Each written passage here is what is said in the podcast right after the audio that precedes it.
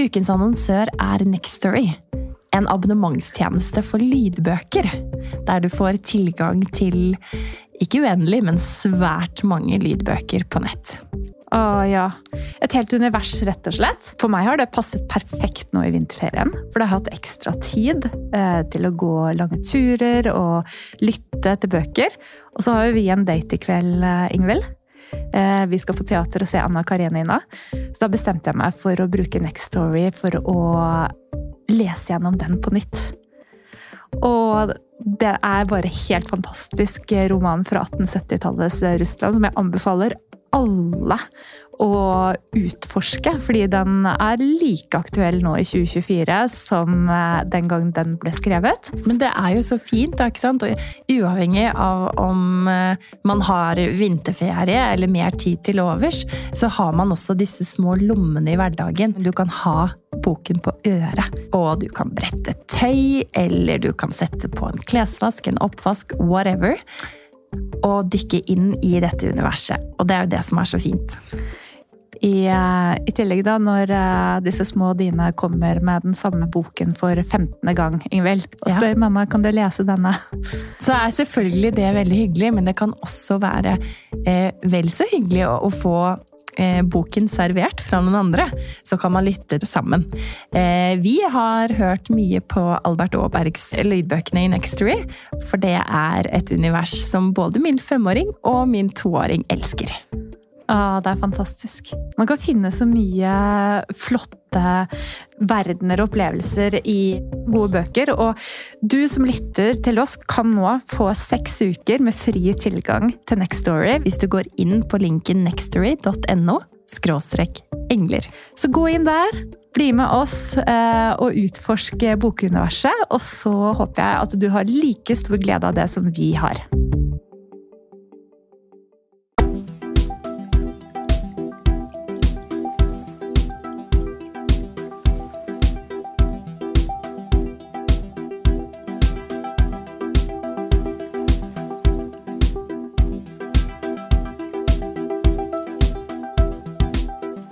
Velkommen til Engler og hormoner. Inspirasjon og ny kunnskap om helse, selvutvikling og livsstil.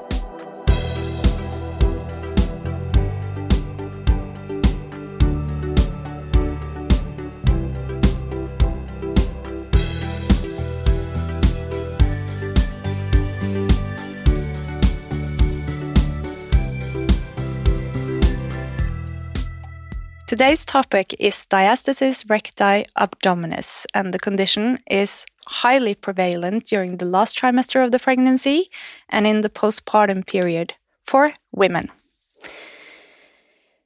The diastasis itself is defined as an impairment with a midline separation of the two rectus abdominis muscles. So that would be your six pack muscles, if you wonder. And it still remains unclear why it happens to a certain degree and a certain duration in the postpartum, what the consequences of diastasis is, and how we can treat it most efficiently. So, this is why we need research. And when it comes to women health and research, many physiotherapists will consider Kari publication a form of Bible in clinical practice. I calculated for myself that I've done approximately 15,000 consultations since I did your course on pelvic floor, Kari, and I have felt your presence in most of them. It's not only me, I know. The scientific work you've done has resulted in the most prestigious of prizes in World Physical Therapy and International Continence Society, and the list goes on with published papers, keynotes, lectures all over the world, and engagements in various committees, advisory boards, and principal of the Norwegian School of Sports Science. We are so honored to have you here with us today, Kari. Welcome to the studio. Thank you so much. It's very very important the work you are doing because you are really spreading research. So I'm very thankful for you and the work you are doing. So it's very interesting to be with you here today. Mm. Thank, Thank, you, you Kari. So, of course, you have highly inspired us in clinical practice. And uh, every time we see you you come forward with very thoughtful and well formulated uh, information mm. about uh, the pelvic floor and other things happening in the female body. But we wonder who are you? Can you tell us, us a bit about yourself? Well, that's a long story now because I'm 66 years old, so I don't feel like that, but uh, time has passed.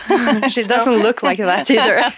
so, uh, well, I was uh, educated in physiotherapy in 1979, and before that, I had a first year in sports science. And after uh, I graduated in physiotherapy, after my uh, internship, I went back to study, and I was working as a physiotherapist at the same time. So I went back to Norwegian School of Sports Sciences because I have a background from dance and ballet and rhythmical gymnastics and gymnastics. So I really love exercise, been exercising my whole life since I was four years old, really regularly. So that's my passion in life. And I also enjoyed very much to study uh, exercise science because at that time it was much more evidence based than what physiotherapy was. But that has changed, and I'm very proud of being a physiotherapist today uh, because you know that if you look into the PEDro database in physiotherapy, we have so many studies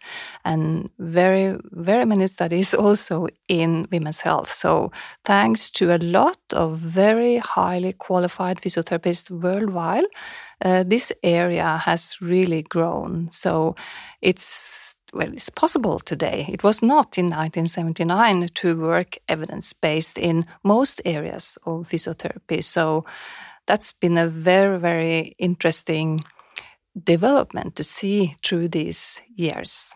Mm. So today I'm professor, a full professor, academic professor at Norwegian School of Sports Sciences. It's true what you said that I've been the principal of the school and that's also I was that for four years. Um, I enjoy much more to be in clinical practice, to supervise students, and be close to to practice. So I'm a clinical researcher.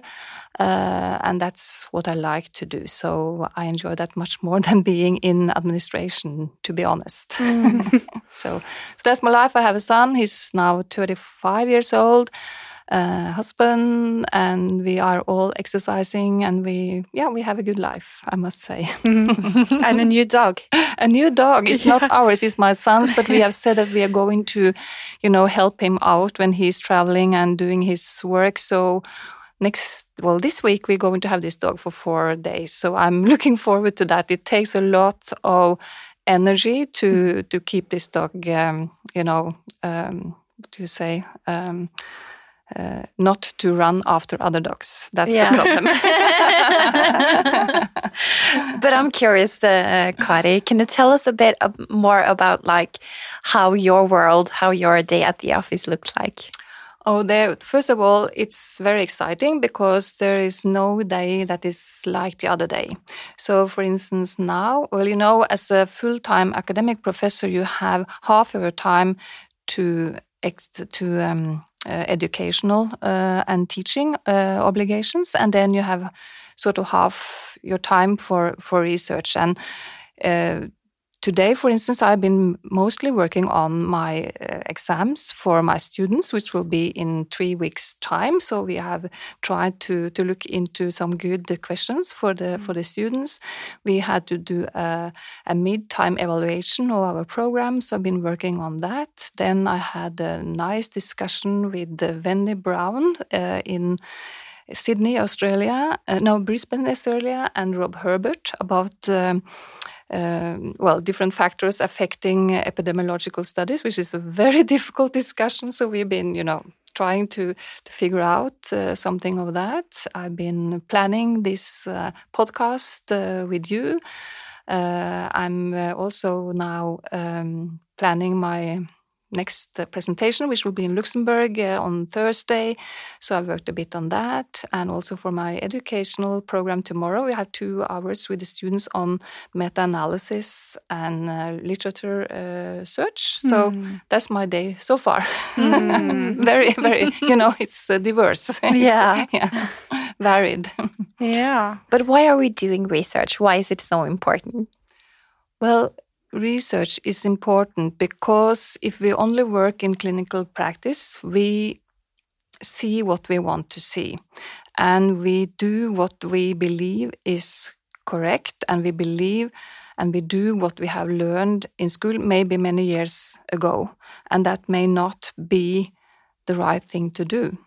So in clinical practice although we also need the clinical experience to create good research questions. We have to be critical and a bit skeptical without you know losing your your foots because on your floor you need to do something but i think if you only were doing clinical practices we could do a lot of wrong things maybe in physiotherapy is it couldn't hurt the patients. Maybe. Well, electrical stimulation, some of the methods we use can also hurt, but most of the time it doesn't hurt. But it takes time and it takes also effort and money from mm. the patients. So, therefore, we need to ask this question to improve clinical practice. So, we should have the patient in focus and think what is the best thing to do. And then we need to do proper and really, you know, high quality studies with the best methodological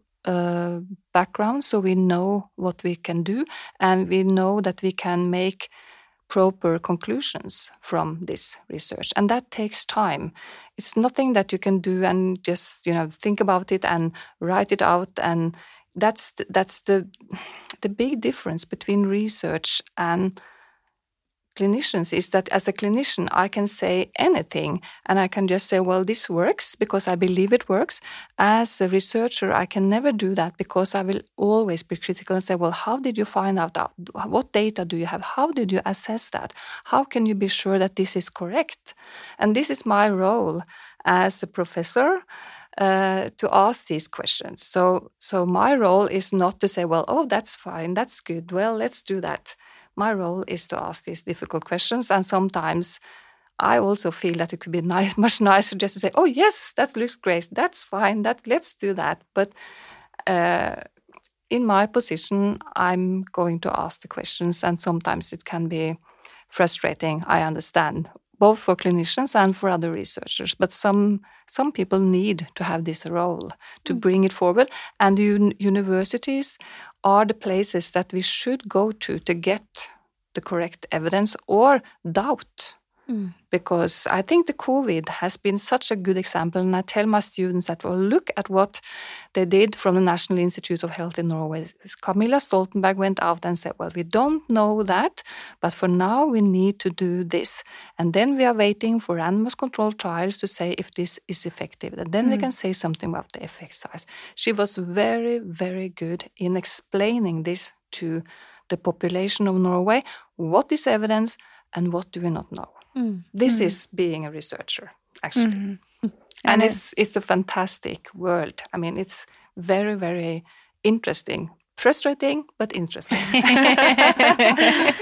well, you touched upon your uh, teaching schedule for tomorrow in mm. meta analysis and yes. uh, systematic reviews and uh, Cochrane reviews always ends up with this is my experience, we need more research. Absolutely. Yes. so, this is where you're working. you're working on this conclusion and just bringing it forward. Yeah, I try to to add to the systematic reviews, you know, you may know that I've been also very critical to some of the systematic reviews that have been done because I think they put together studies that cannot be put together. And this is, I mean, it's been known for many years that this is the problem with meta analysis that you have heterogeneity. So you have different studies, different interventions, and you smash them together. And I tell my students, and I tell you now, the only thing that gets better by adding student uh, studies together is that you get a higher numbers. But the rest can be very, very bad. Mm. in this student and especially the interventions so if you look into my area and yours your areas as well which is exercise science some of these studies that are put together they are not following you know uh, frequency of training intensity of training duration of training. They're not looking into adherence which of course will decide the effect. It's not the design of the study that tells the or can tell you the effect. You can have a very high quality RCT, but you put in an intervention that you, from an exercise science point of view, think, well, this cannot work. And mm-hmm. you put it into an RCT, you get very high scores on methodological quality, but the intervention is just garbage. Garbage mm-hmm. in is garbage out.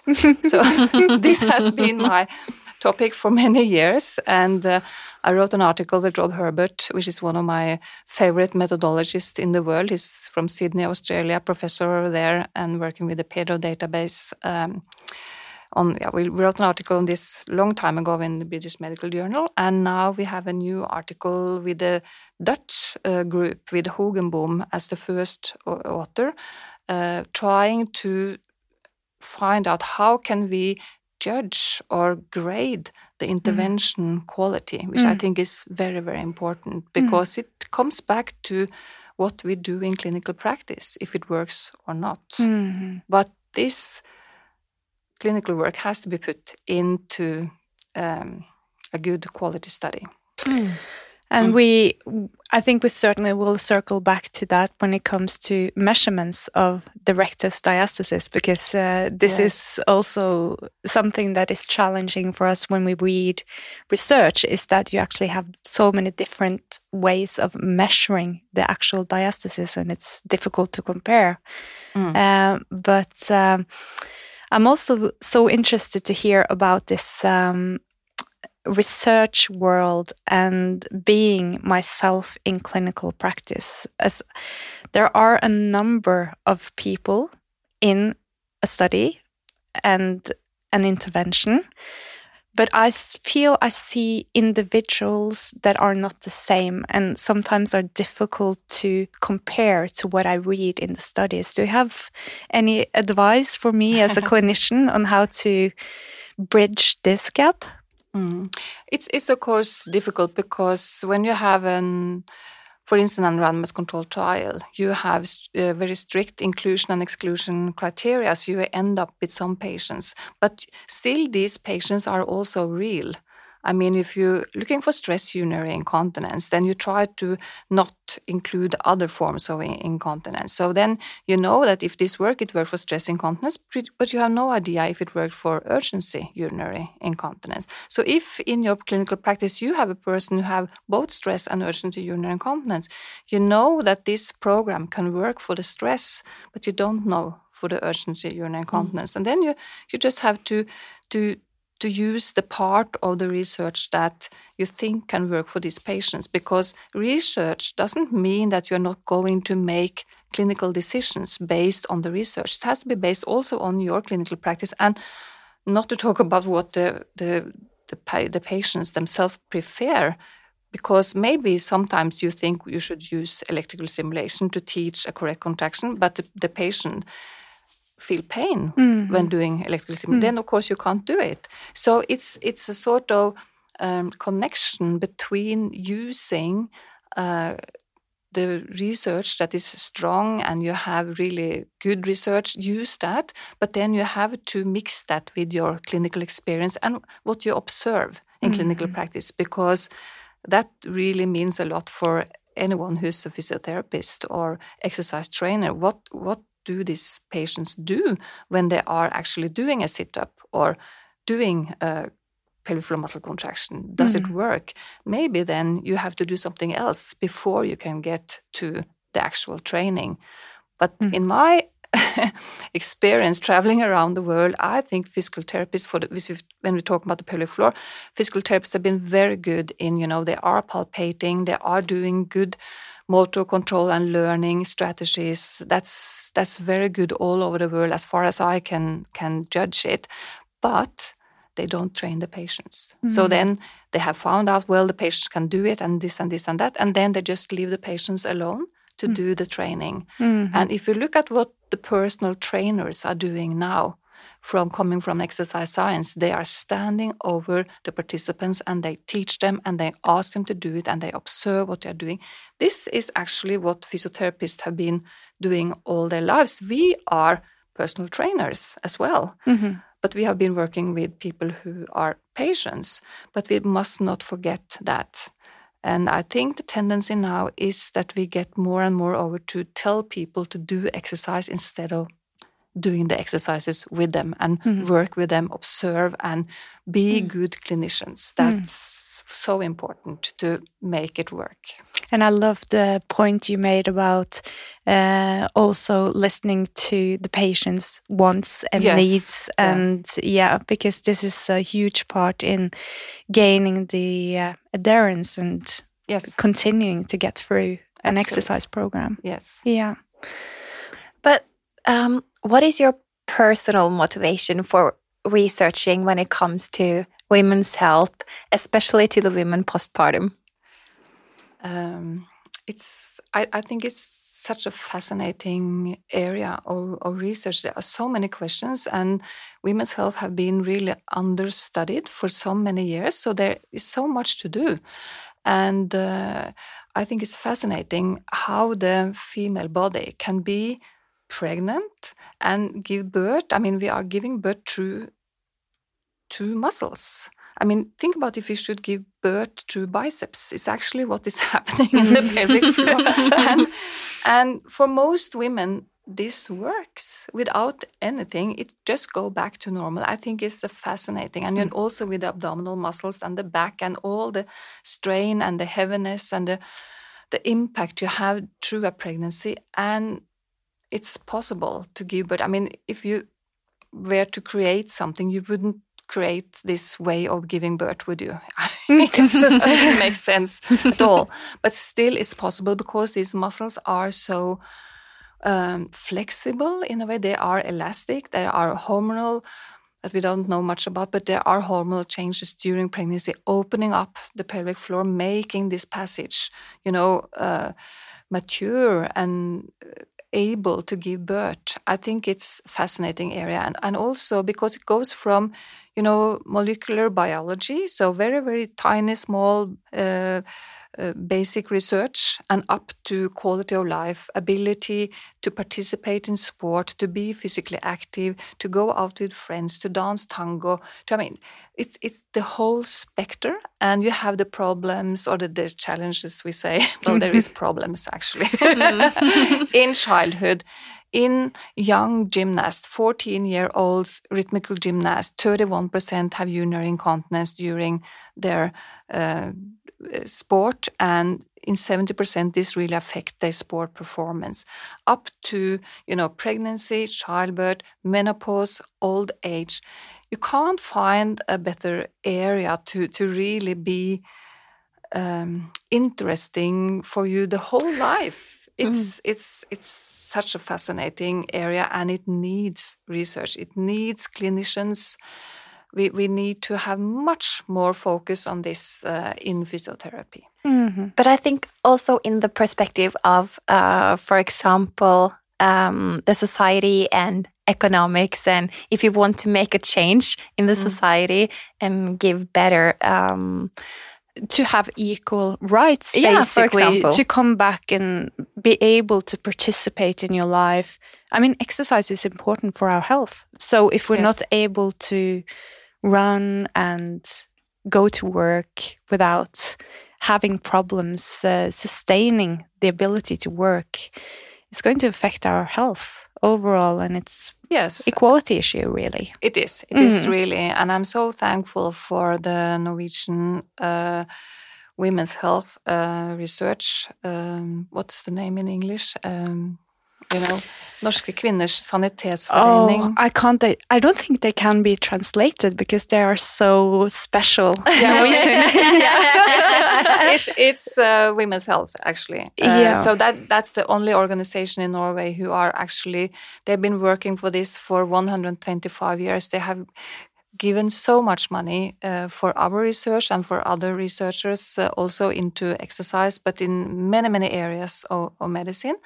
So they have been. Uh, very important for us. So there are organizations really looking into this and have and they keep on having this focus on women's health because as you said, it's about equality and it's also about uh, money because if you lose half the population because they have women's health issues, they can't work, Mm. then there is also a big issue for the wealth and the economy of a country. So women are very important. They have special diseases, they have special uh, challenges and problems because they are women, and this needs much more focus than what we have had so far. I'm not saying that we should not do research in men, but there are many more who are doing men's research and men's health research. So I will stick to that we need to have the focus on women's health for many, many years to come. Yeah. Oh, yeah. And of course, not use men as subjects when we are talking about women's health because we are complicated. We are just interesting. yeah, yeah, that's true.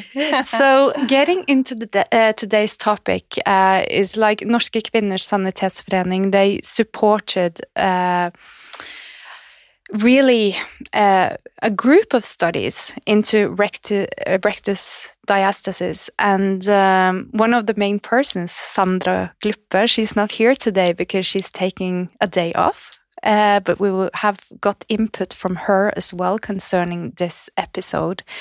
And uh, when it comes to the division of the belly muscles, the mummy tummy, the pouch, or whatever we choose to call this in social media and popular Mm. publications. Kari, what is happening and why do we need more research on this specific condition? Uh, this is a very interesting topic because it hasn't been a lot of research, although physiotherapists have been working, and women's health physiotherapists especially been working in this area for many, many years. And it has been written about it in some of the older textbooks. So that's been part of women's health, but the research has not been been there. So I think uh, it started in 2000 and later than that. Uh, one of the first was uh, Patricia Muta, my PhD student in uh, Lisbon. Uh, she did a lot of experimental studies and following up on uh, pregnant women and also did a lot of um, methodological studies on ultrasonography. And there is also a group in uh, Melbourne, Australia, uh, and they have been doing a lot of systematic reviews and found that we don't really know what we are doing in this uh, in this area of research. So it's uh, been fascinating during the last years to to follow up uh, on these studies and and work on that. And this is really in contradiction to what is happening in social media because in social media it seems that there are many clinicians and others who have the solution and they again they can just say well this works. This is my experience. This program works. You can pay this and this money and you can do this and that. And it works. But the, the point is they have no references uh, in the social media posted and uh, so they don't know. And we don't know because we have been looking into this research area for many years now. And Sandra, uh, she's my PhD student. Uh, she just we just published a, a, study in Brazilian Journal of Physiotherapy with a systematic review on the effect studies on what exercises you should do, and we cannot conclude. And Benjamin, who did the first systematic review coming out in 2014, they could not conclude. At that time, it was only one RCT. Today, we have seven more RCTs, one of them from Ahus, uh, one of our studies, and Sandra Gluppe's master thesis. Uh, we cannot say what exercises are the best to do for diastasis, unfortunately, mm. because I have women calling up on me every week asking this important question, mm. and clinicians also want to know, of course, what mm. can I do?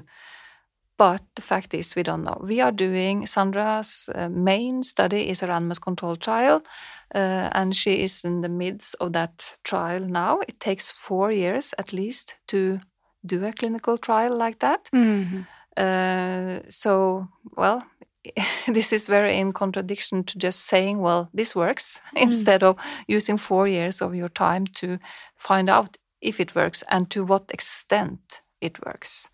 Mm. So, well, only seven RCTs so far, and they go in different directions. You cannot really combine them and say well to get into a meta-analysis and yeah. and back to, to, what we talked about before. Yes. Uh, there was this girl Jorunn. She also did this uh, work with the diastasis in her phd work uh, under your sup- uh, Oh, that, was, supervision. that was her, her master uh, Yeah. Jorunn Sperstad. Yeah. Yes. Mhm. she, that was the data we also had from uh, Ahus Mhm. uh, our university hospital where I work once a week. Uh, and that was a cohort study, so we follow them through uh, from pregnancy until 12 months postpartum. And we found that the prevalence of uh, diastasis was about 30% 12 months postpartum. So this is a very prevalent problem Mhm. and a problem that women seek help for, especially from physiotherapists, the gynecologists. uh, they didn't. I don't think they even had heard about diastasis when we started this uh, at our So, well, you can, well, uh, it's okay, you can ask about it, but what is this? But then I want to ask you a question. Is diastasis a problem? Well, that's a very good question because it's again in social media, it has been put forward as a big problem. And they say, well, if you have a diastasis, you will have pelvic floor disorders, you will have low back and pelvic girdle pain. In the studies so far, and there are not many, but in the studies where this has been investigated, Mhm. we do not find that there is a very, you know, close relationship between diastasis and low back pain or pelvic girdle pain. Uh, and we definitely do not find any connection between diastasis and pelvic um, floor disorders like urinary incontinence. That's that's quite clear. I would say since we haven't really looked into women who have severe diastasis, because most of these studies are in women with mild and moderate diastasis. I'm, Which mean? uh, well, different different definitions, but uh, less than three centimeter. Mhm. So the, you know the surgical the, the consensus from Sweden says that they shouldn't do surgery and before it's four uh, five centimeter, uh, but they can do if there is a very severe protrusion before that or problems for the patients. So they can do, but they will wait till five, so not before five centimeters. Um, so if you have a severe, and I know in Sandra's studies, we I think we had one woman coming with eight centimeter. Mm. Um, so we should have more with really severe diastasis and see if that is problematic when it comes to low back pain and also pelvic girdle pain. So in theory, I think it could be, but in the studies we have so far, we cannot really tell. So in mild diastasis, for sure there is no connection. You know, many women have pelvic girdle pain and low back pain, and you may also have a diastasis, but they don't have to be linked. And one thing is associations, but another thing is the causal pathway. So this does diastasis cause um, low back pain or pelvic girdle pain? That's a very difficult question to to answer scientifically, and so far we cannot say that. And we know that women have diastasis; they have no problems at all with low back pain or pelvic girdle pain, and for sure not with urinary incontinence. So. The only connection we can think about when it comes to pelvic floor disorders, but maybe also for low back pain and uh, pelvic girdle pain, is that there may be some problems with the connective tissue in general. So that's maybe you have a connective tissue problem and then you have low back pain and pelvic girdle pain and you also have diastasis. Mhm. But the other one is the causal link, that direction is not clear. It's interesting that part about the connective tissue because if you think about conditions like Ehlers-Danlos or if you have Yeah. any Mm. Diagnosis, but I see also suggested now by gynecologists, and this is referred to on social media, that this could be a component if you're experiencing prolapse or uh, yeah diastasis. So Yeah, yeah. It again is the Mm. connective tissue that Mm. for some women are uh, not as good as for others, Mm. and we all know this as as physiotherapists that we can do the test with the benign hypermobility joint syndrome, uh, and but we haven't really seen good studies comparing uh, this. We have done some of it and not find we didn't find any connection. But again, smaller studies, we need to look at the severe diastasis Mm-hmm. to, to find out. Very interesting questions, research questions too. Yeah. which you need to answer. and also the fact that you looked uh, looked at the prevalence one year postpartum, and many of these women will still be breastfeeding, and we have the component of not getting back in cycle and the estrogen affecting the fascia and connective tissue as well. Has Yeah. there been any studies looking into that? Not really, but I, I Mhm. didn't think we found uh, anything on that study. But um, it's, it's also a very important question. But of course, uh, well, WHO they uh, advise us to breastfeed till six months. But in Norway, no, since we have this long maternity leave for twelve months, many women are still breastfeeding at twelve months and then uh, stop uh, breastfeeding gradually after that. So it could be possible to do research on that. I should make notes here because you, you ask very good questions. Uh, no, it's just also interesting because I hear the gynecologists uh, are saying that they can observe the tissue while you're still lactating, even though you come back in cycle. So it's interesting uh, if it's not just estrogen that is working in our bodies, but what is happening happening with prolactin and other hormones that are helping us produce milk. So yeah. yes, very very interesting. Mm. So we need much more researchers. Uh, so please, if you are out there and listen and you want to do a master or a PhD, come on, let's go for more students in women's health. it's important. coming back to this um, diastasis, um, Sandra actually mentioned that social media has been a major component for her to recruit patients into the study. So it works that way as well. It's true. Uh, and I must say, uh, we we wanted to do one of her studies, uh, asking women how they feel about the abdominal after childbirth, going through the, the Norwegian health stations where all um, pregnant women and women after in the postpartum period are coming with a child. So that we thought that could be a very good place to recruit. But you know, after a year, we only had 20 women. So then we went, we said, this is not working. We can't do it. So we went to social media. So, and then now we have 440, I think, in, in this study. So that was much better way to recruit. But mm. the downside on that is by going via social media, you have no um, control of response rate. You don't know who is responding and who is not responding because you don't know your you know your total population. So uh, this is problematic. We cannot we cannot really go on looking at prevalences because we don't know who answered and who did not answer but we can say something about about so associations between this and that. So so that's possible, and and we found that uh, most of these women they knew about uh, diastasis. They had learned about it at from social media. They thought it was too much focus on it.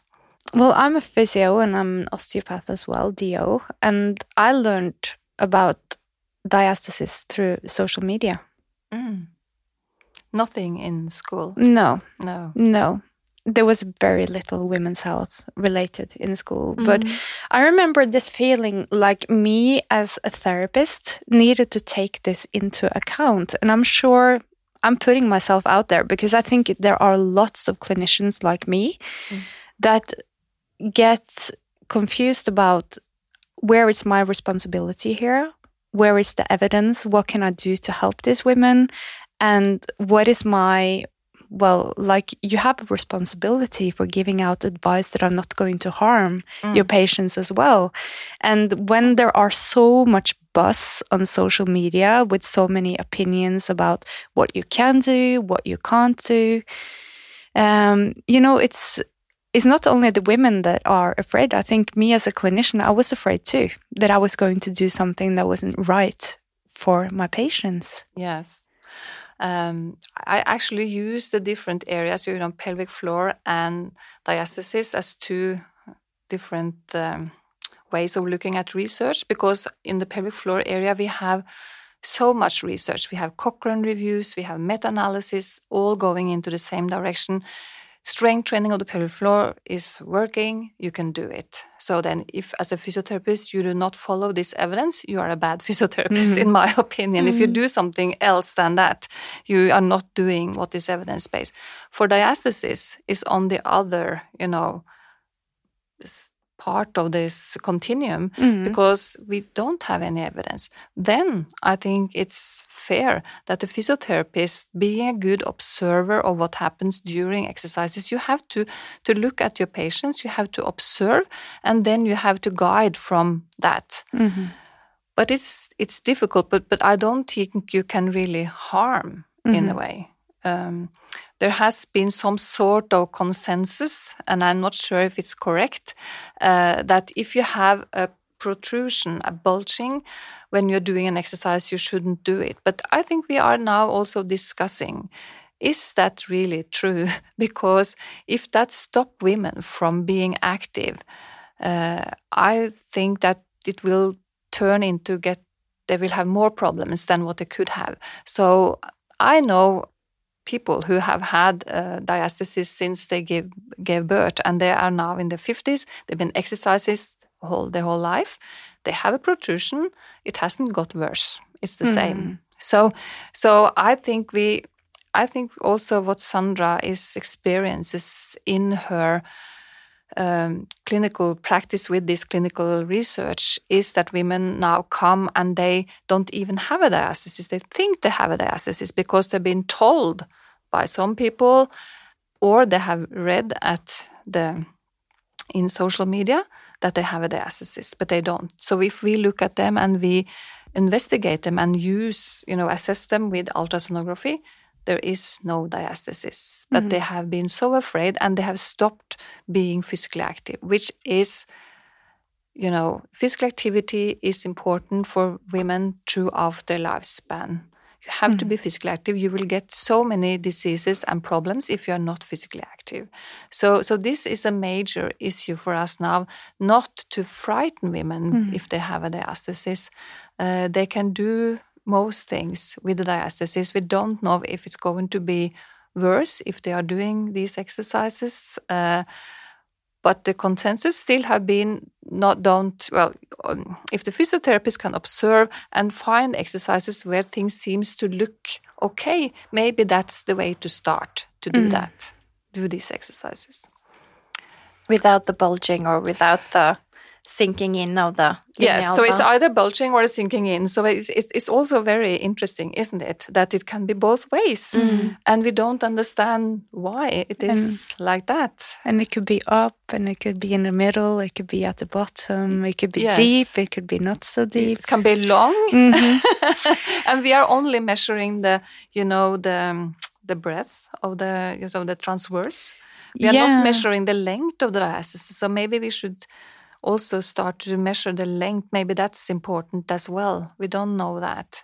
And are we measuring the linea alba or are you measuring, measuring also wasting of the muscle fibers when mm. you're looking with the ultrasound? Mm. Uh, we, don't, we don't know what we no. are measuring. No. Actually. No.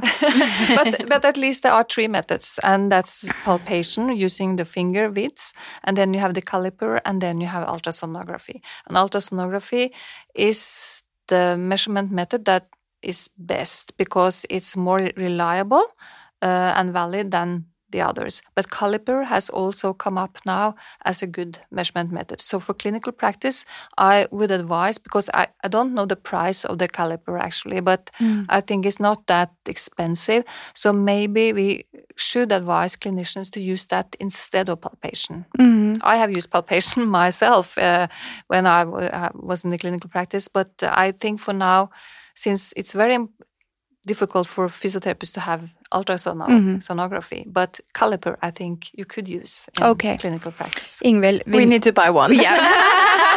yes. but this, uh, uh, since I got my first kid in 2009 mm -hmm. and mm-hmm. then my second in 2012, and there was a big difference in the emphasis on rectus diastasis in the social media. Mm -hmm. um, with my first kid, I didn't really think about it Uh, but then I realized when I got my second ki- uh, kid that this is something I should be worried about. So I started reading and I started to attending all possible courses I could do to learn more about how to handle this separation. Uh, so there are different concepts when it comes to treatment alternatives, and I'm so curious, Kari, when you and Sandra sit down to decide on the interventions that you're going to use in your studies, how do you choose? Well, yeah, it is always, you know, a lot of emphasis into that when you're doing clinical trials. So, what should we do? What do we think would have the best effect?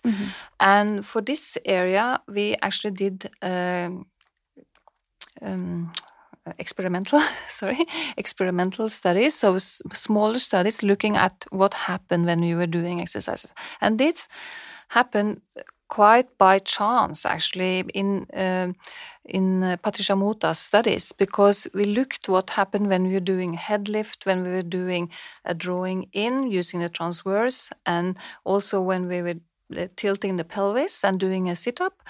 And we found the opposite of what we all believed because we thought that using the transverse would make uh, the diastasis smaller mm-hmm. but it was going the other way. It was opening up. But but when I'm saying opening up, it's not five centimeters. It's not a mm-hmm. lot. It's just that it's going the other direction and it's statistically significant. So it, there is going in the opposite direction. After that. Uh, I have another uh, student in uh, in Portugal who found the same, and then also Diane Lee and Paul Hodges found the same, and they were not even doing a transverse contraction; they were doing a pelvic floor contraction, and then the transverse was coming in because we know that if you contract the pelvic floor, there is a transverse co-activation. So they found the same as well. Uh, Nina Theodorsen, one of my other uh, PhD students, now looking at diastasis during pregnancy uh, she found the same. So, and it was the same with the pelvic floor, and that goes through the, the transverse. So it was not closing. So we, what we found was that when you are doing a head lift and when you are doing a crunch or a twisted crunch, then it goes together, which is actually totally opposite of what I have learned because we have all learned that you should not do sit up. But that's but that's also research. So it's interesting because sometimes you just have to say, well, this is what we found, and been, it's been found in many other studies. So, so what we do in Sandra's research is that we are using the exercises that we have found that will close the diastasis, and we mm. put that into the intervention of the RCT. Mm-hmm. And then we have control groups who's not doing anything, or I mean, not following this concept. Mm-hmm.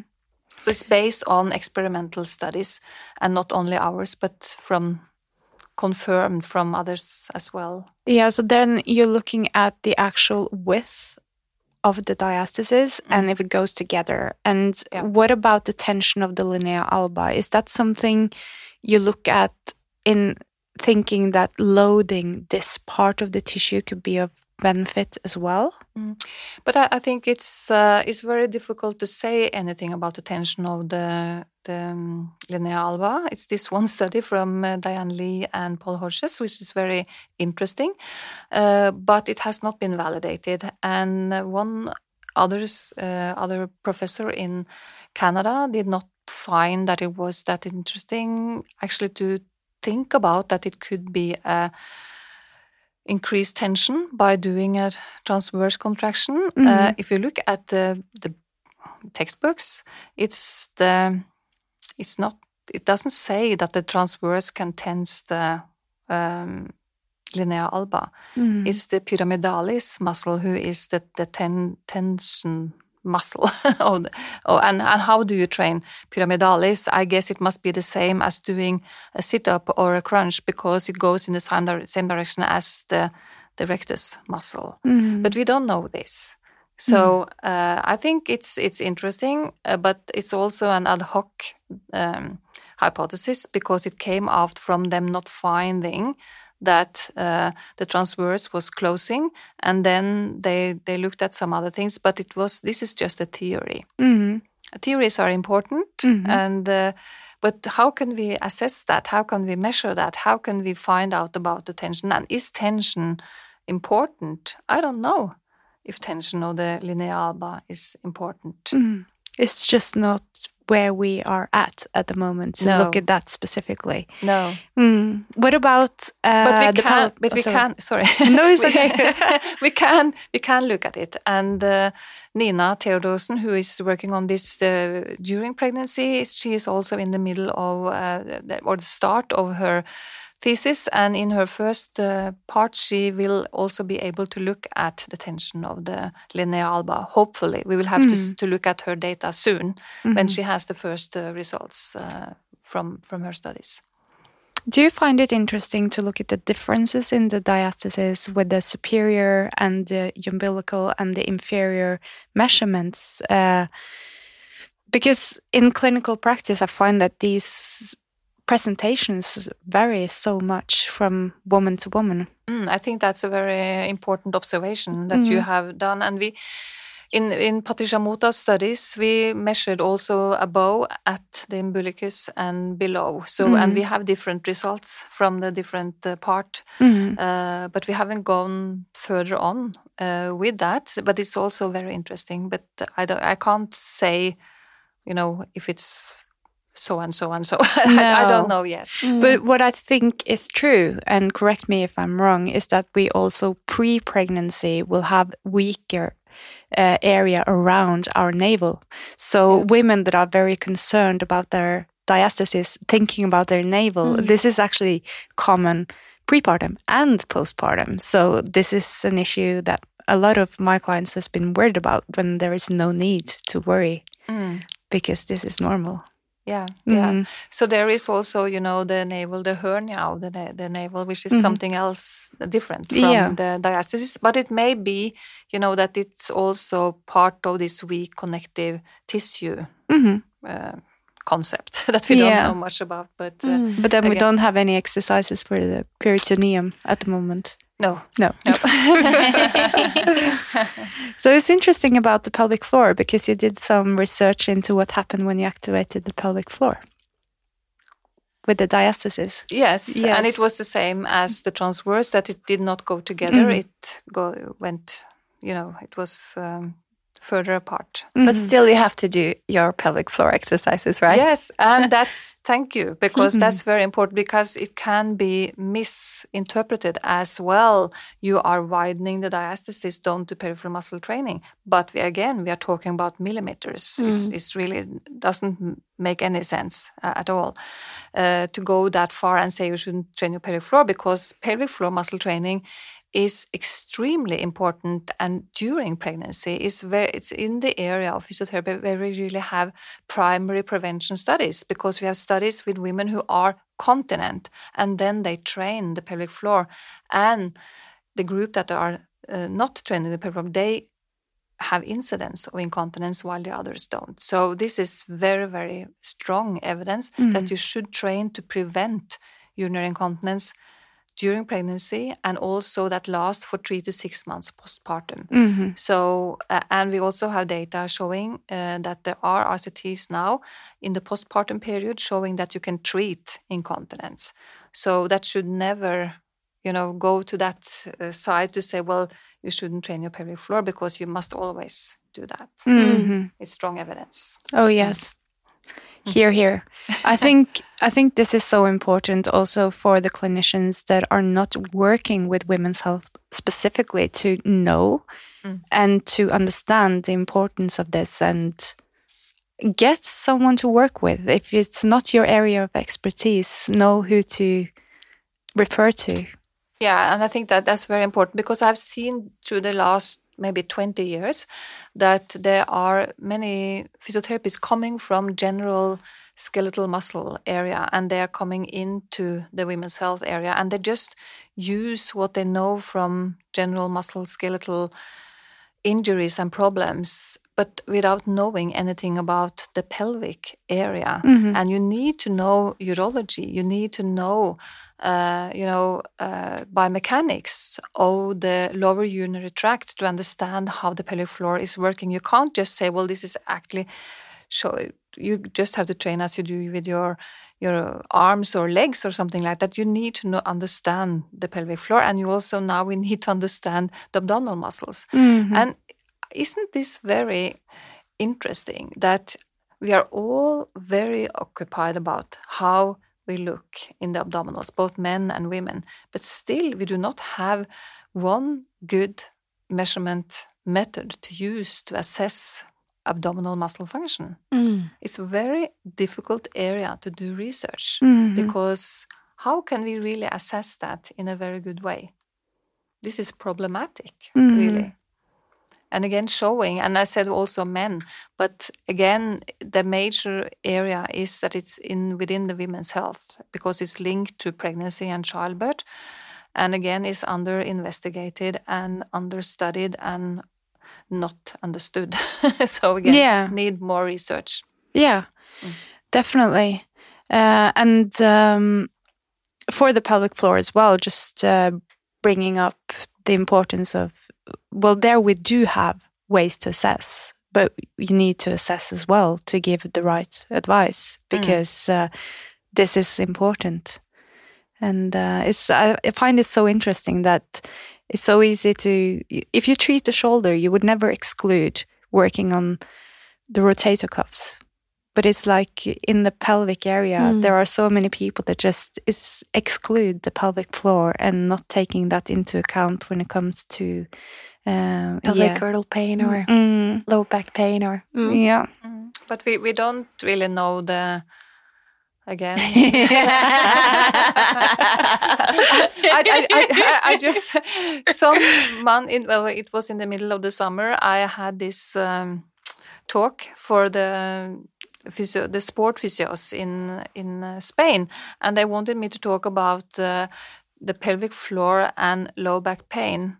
And I said, "Oh, why do I have to do that? it takes me a lot of time to to really to get into that area, and and there is really no strong evidence that the pelvic floor is important for low back pain, as far as I have seen in my preparation for this uh, talk. So I don't I think we should overestimate that pelvic floor can work for everything.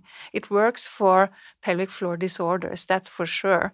But whether it's important for other part of the body, I'm not so sure. But it doesn't matter because it's so important for pelvic floor dysfunctions. Mm. And there is a very high prevalence of pelvic floor dysfunctions postpartum. So this is something that we really need to address. Yes. Yeah. Yeah. This is very important. And I, as you said, I think uh, if you're coming from another area, for instance, general musculoskeletal, you need to uh, learn from women's health physiotherapists who have experience in uh, assessing the pelvic floor. And uh, so it's important that you don't just go on and pretend that you know this area because it takes a lot of effort and time and reading and understanding and studying to to know about the pelvic floor. It's it's maybe one of the most complicated area in the body. I mean the, the muscles are in a cup like form uh, it's three dimensional it's nothing is like other muscles although they are regular skeletal muscles so they work like skeletal muscles but to understand it it's takes a lot of time. And I must say that uh, ultrasonography really revolutionized my understanding of the pelvic floor because I had this picture in my head that it was sort of a flat thing, but it's not. so it's much more complicated uh, and also therefore much more interesting because we, we don't know much about it. But again, we have a fantastic anatomist and gynecologist obstetrician in this area, John DeLancey. I'm I'm working with him. I've been there with his cadavers, looking at um, uh, when he's doing this. Uh, um, what do you call that in English? Oh, going in to look at the anatomical prepar- Dissection? No. Dissection. Dissection, yeah, you. there you go. Thank Thank, you. you. Yay! dissections with him. And um, it's fascinating, really, to see that. And I was in a workshop in one of the ICS meetings in Melbourne. Melbourne, they're very good in anatomy and, and that uh, way to just to go into the anatomy and, and see that uh, in real. Mm-hmm. It's so important to understand. And I must also say, when I first started to work in this area, I went to the, the Institute of Anatomy in, in Oslo and tried to, to figure out. And it, it was my worst time at anatomy. I always learn more from being there, but for the pelvic floor, I had to go back to the books because it's yeah. so complicated. We turn around and, you know, upside down, and it's, it's very difficult. It takes time mm. to understand. And I, I can't say that I completely understand it. No one really completely understands it, but it's. Uh, it's fascinating mm. these muscles. Mm. But back to diastasis. Yes. When is the diastasis in need of a surgery? Well, I, I, think that's also very much debated all around the world. I haven't seen really uh, recommendations in Norway, but we have from 2020 in Sweden.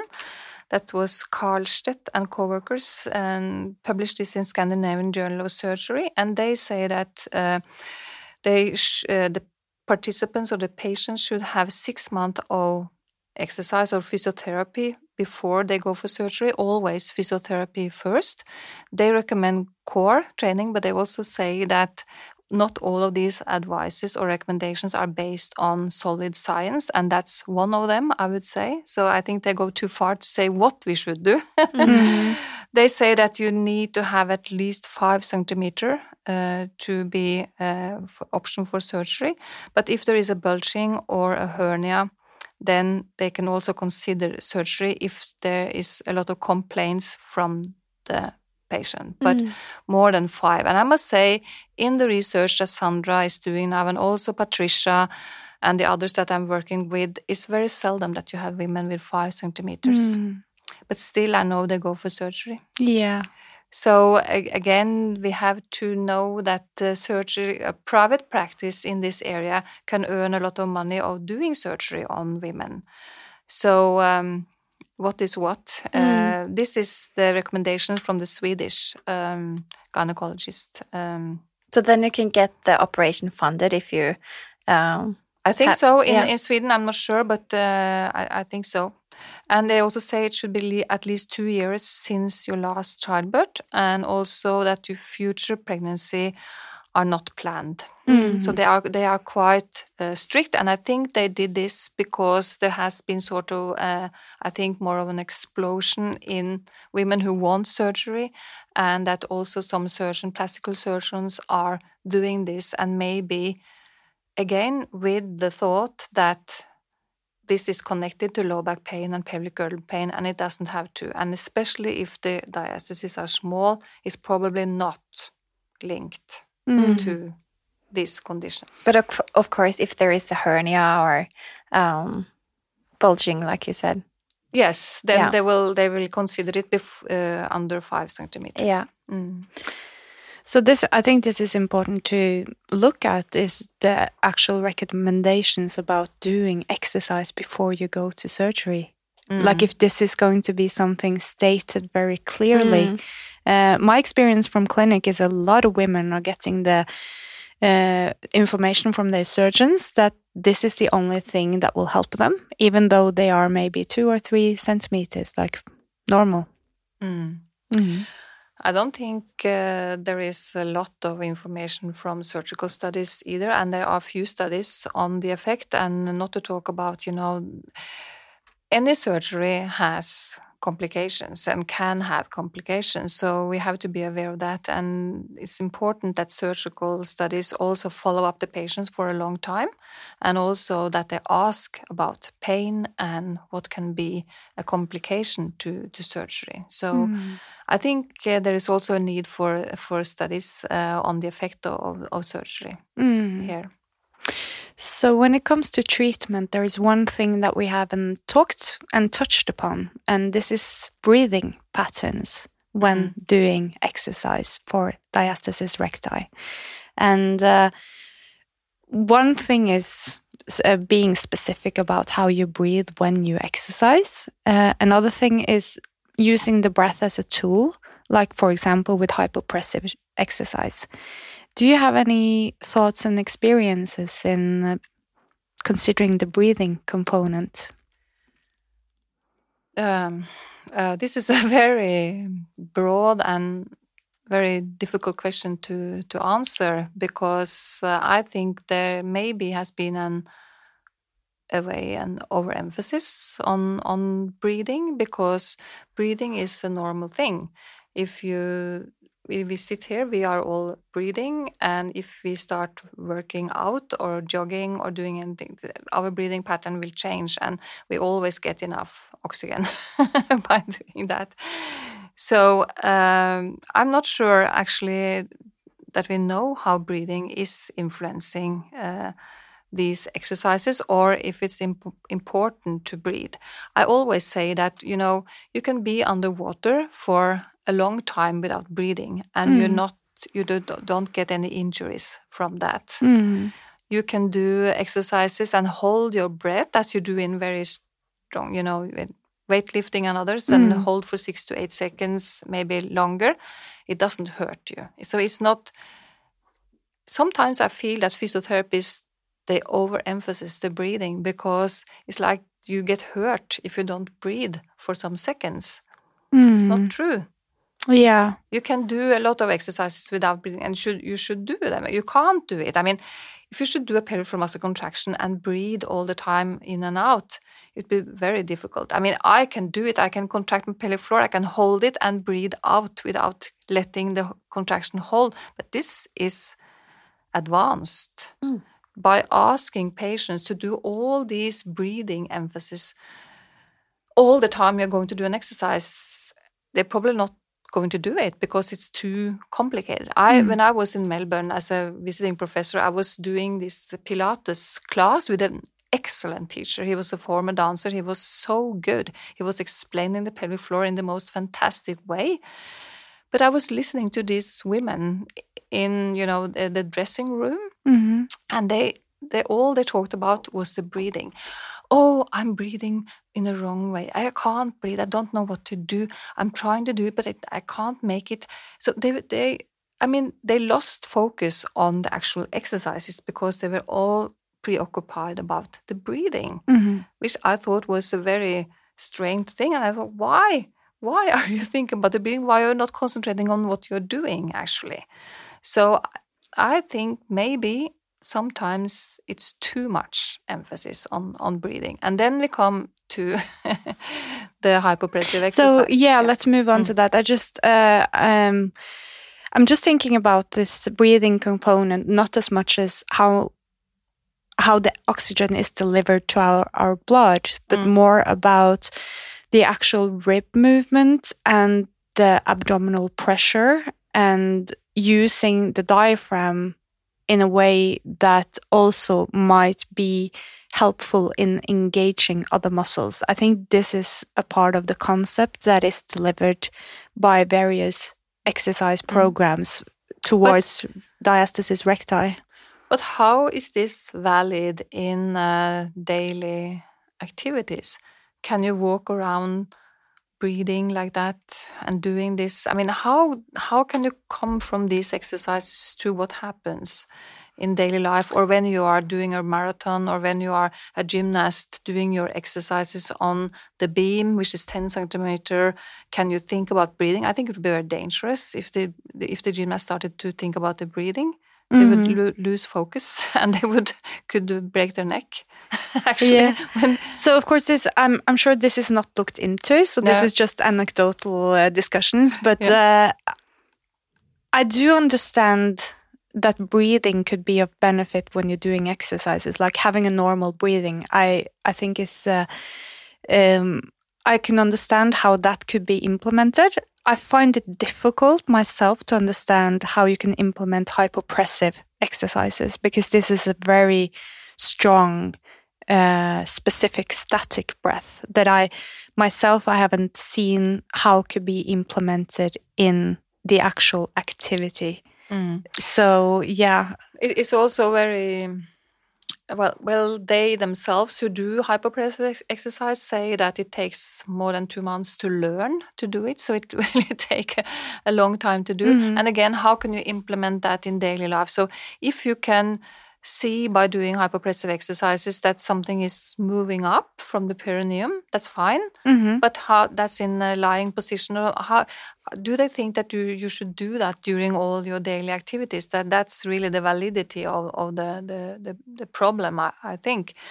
And then if you go to the literature. And uh, again, uh, we do this as an exercise for our master students. So I ask them to find the evidence for uh, hypopressive exercise. We've done that the last uh, two years, and they cannot find anything for diastasis uh, on that. And they are promising both that it works for prolapse, for urinary incontinence, and for diastasis. There are uh, now some studies on prolapse with uh, comparing pelvic floor muscle training with hypopressive, and pelvic floor muscle training is much more uh, effective than hypopressive. I think I think uh, it's important to say that very clearly because there there is actually some confusion about this, mm -hmm. and the evidence is clear that pelvic floor muscle training is more beneficial than hypopressives for prolapse, and that would be all grades of prolapse, or are there the differences? The studies have looked into grade 2 mm -hmm. prolapse. Yeah. Mm. So this is uh, very important, and in many cases, a more severe prolapse also would be surgical. Yes. Yes. Yes. For so sure. if you important. have a grade four, three to four. I mean, mm. we had three in our study with Ingeborg Hoff Brækken. Mm -hmm. uh, when I saw the, my first uh, view on the grade three, I thought, oh, we should never have included them because I thought it was too far. But we actually also found that some of them improved. Mm -hmm. uh, but we have too few to make comparisons between groups. -hmm.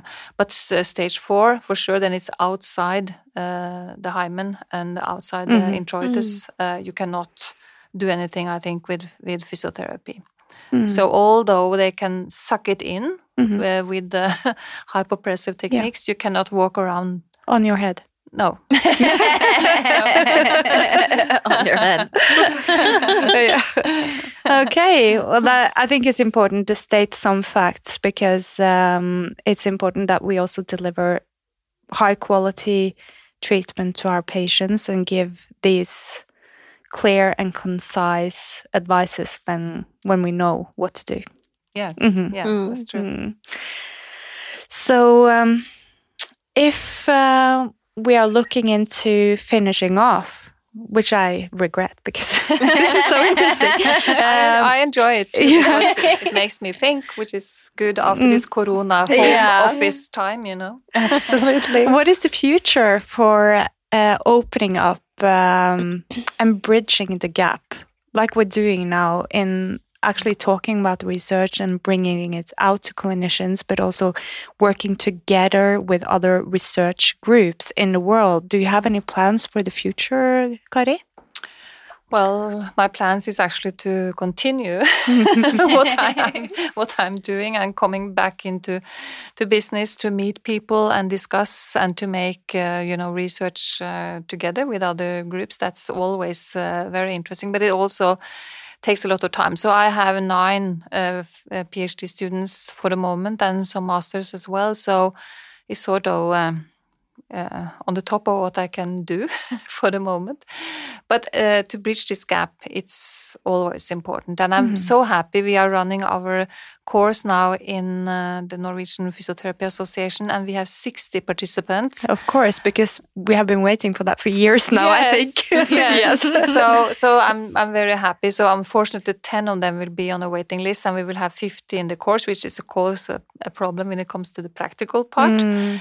Uh, so I'm I'm trying my best to to get the the message out and also the the need for critical thinking and, and research. That's the most most important thing that clinicians can learn not to rely on things that are presented on web pages or with twitters and other things. And also in all these new journals who are what we call, you know, I don't know what to call it in English, but they are a business now making journals that you have to pay a lot of money to publish, mm. and then everything can be published because as long as you pay, they will publish it. And it will, they say it's peer reviewed, but it's very, very lousy peer review.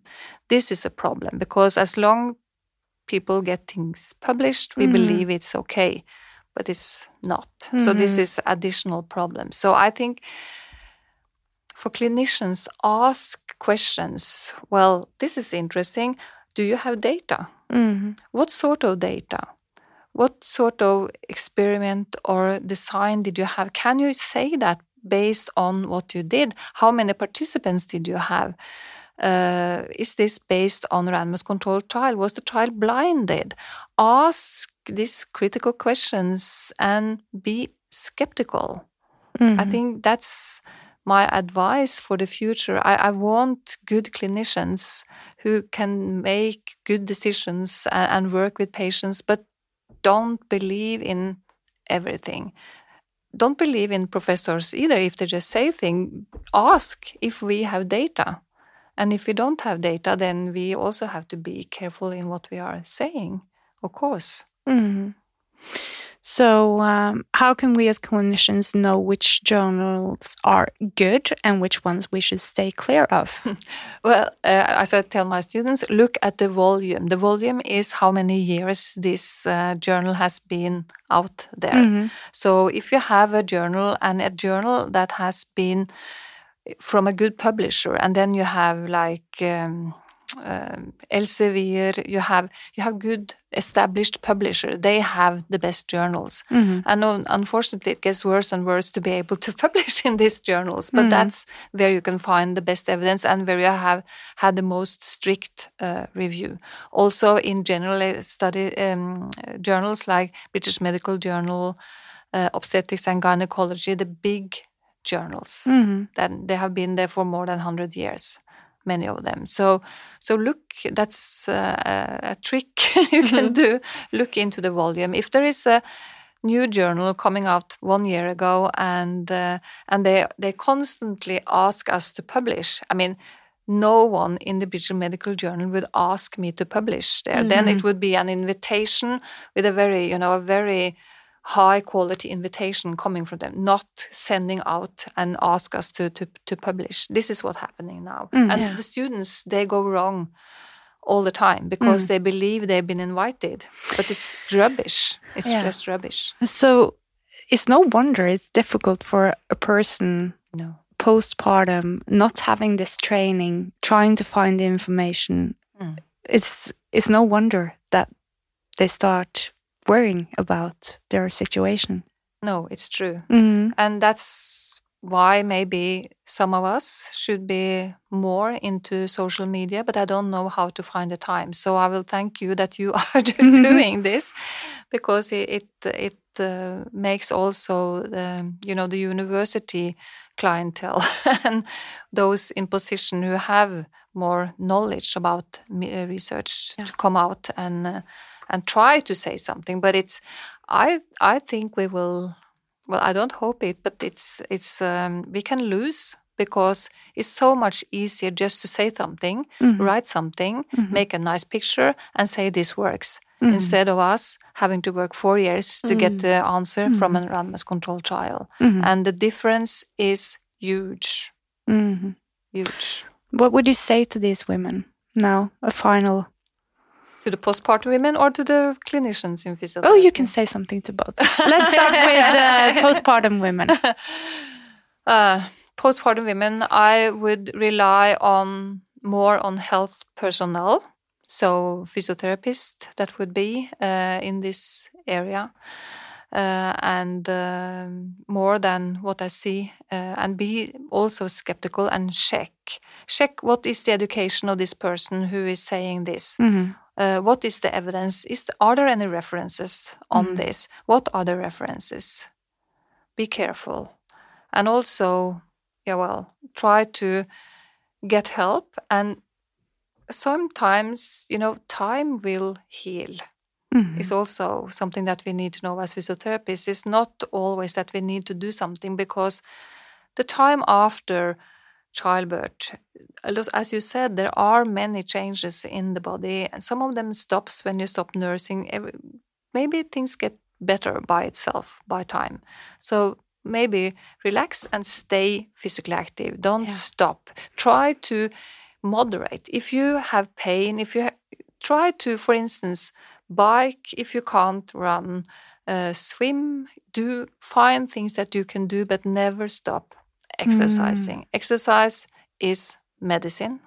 Definitely. We know that. Mm. And I think uh, one of the things that we need to throw into this equation when it comes to postpartum is acceptance. Yes. Like Mm. we have done this job, uh, creating this person, Yeah. and uh, we are biology and physiology, and we have to accept that some things take time, and our body is actually supporting us in many Yeah. ways. yes. Mm. Here, here. Thank you so much, uh, Kari, for joining us in studio. It has Thank been such a big pleasure to meet you and uh, to hear from you, to learn. Thank Mm. you to you. Thank you so much. And of course, we will be sure to link to Kari and Sandra's work in the bio.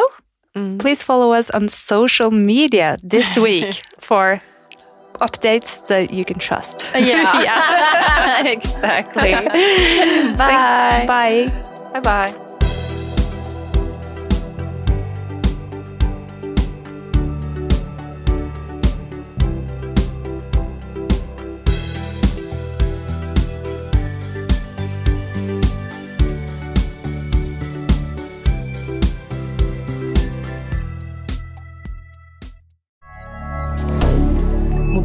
Moderne media.